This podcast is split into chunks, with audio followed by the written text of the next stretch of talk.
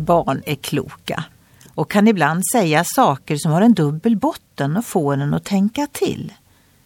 En pojke fick frågan om varför ett trä i trädgården vid huset han bodde i var krokigt. Pojken svarade Jag tror det måste bero på att någon har trampat på det när trädet var litet.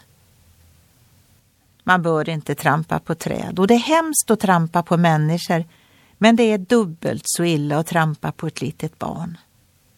Må himlen hindra oss från att göra precis det. Men krokiga träd och människor kan växa upp och bli värdefulla. Och Gud har extra stor omsorg för dem som känner sig brutna eller har drabbats av livets hårda vindar. I Bibeln står det skrivet om den frälsare som ska komma. Ett brutet strå ska han inte krossa. En tynande veke ska han inte släcka.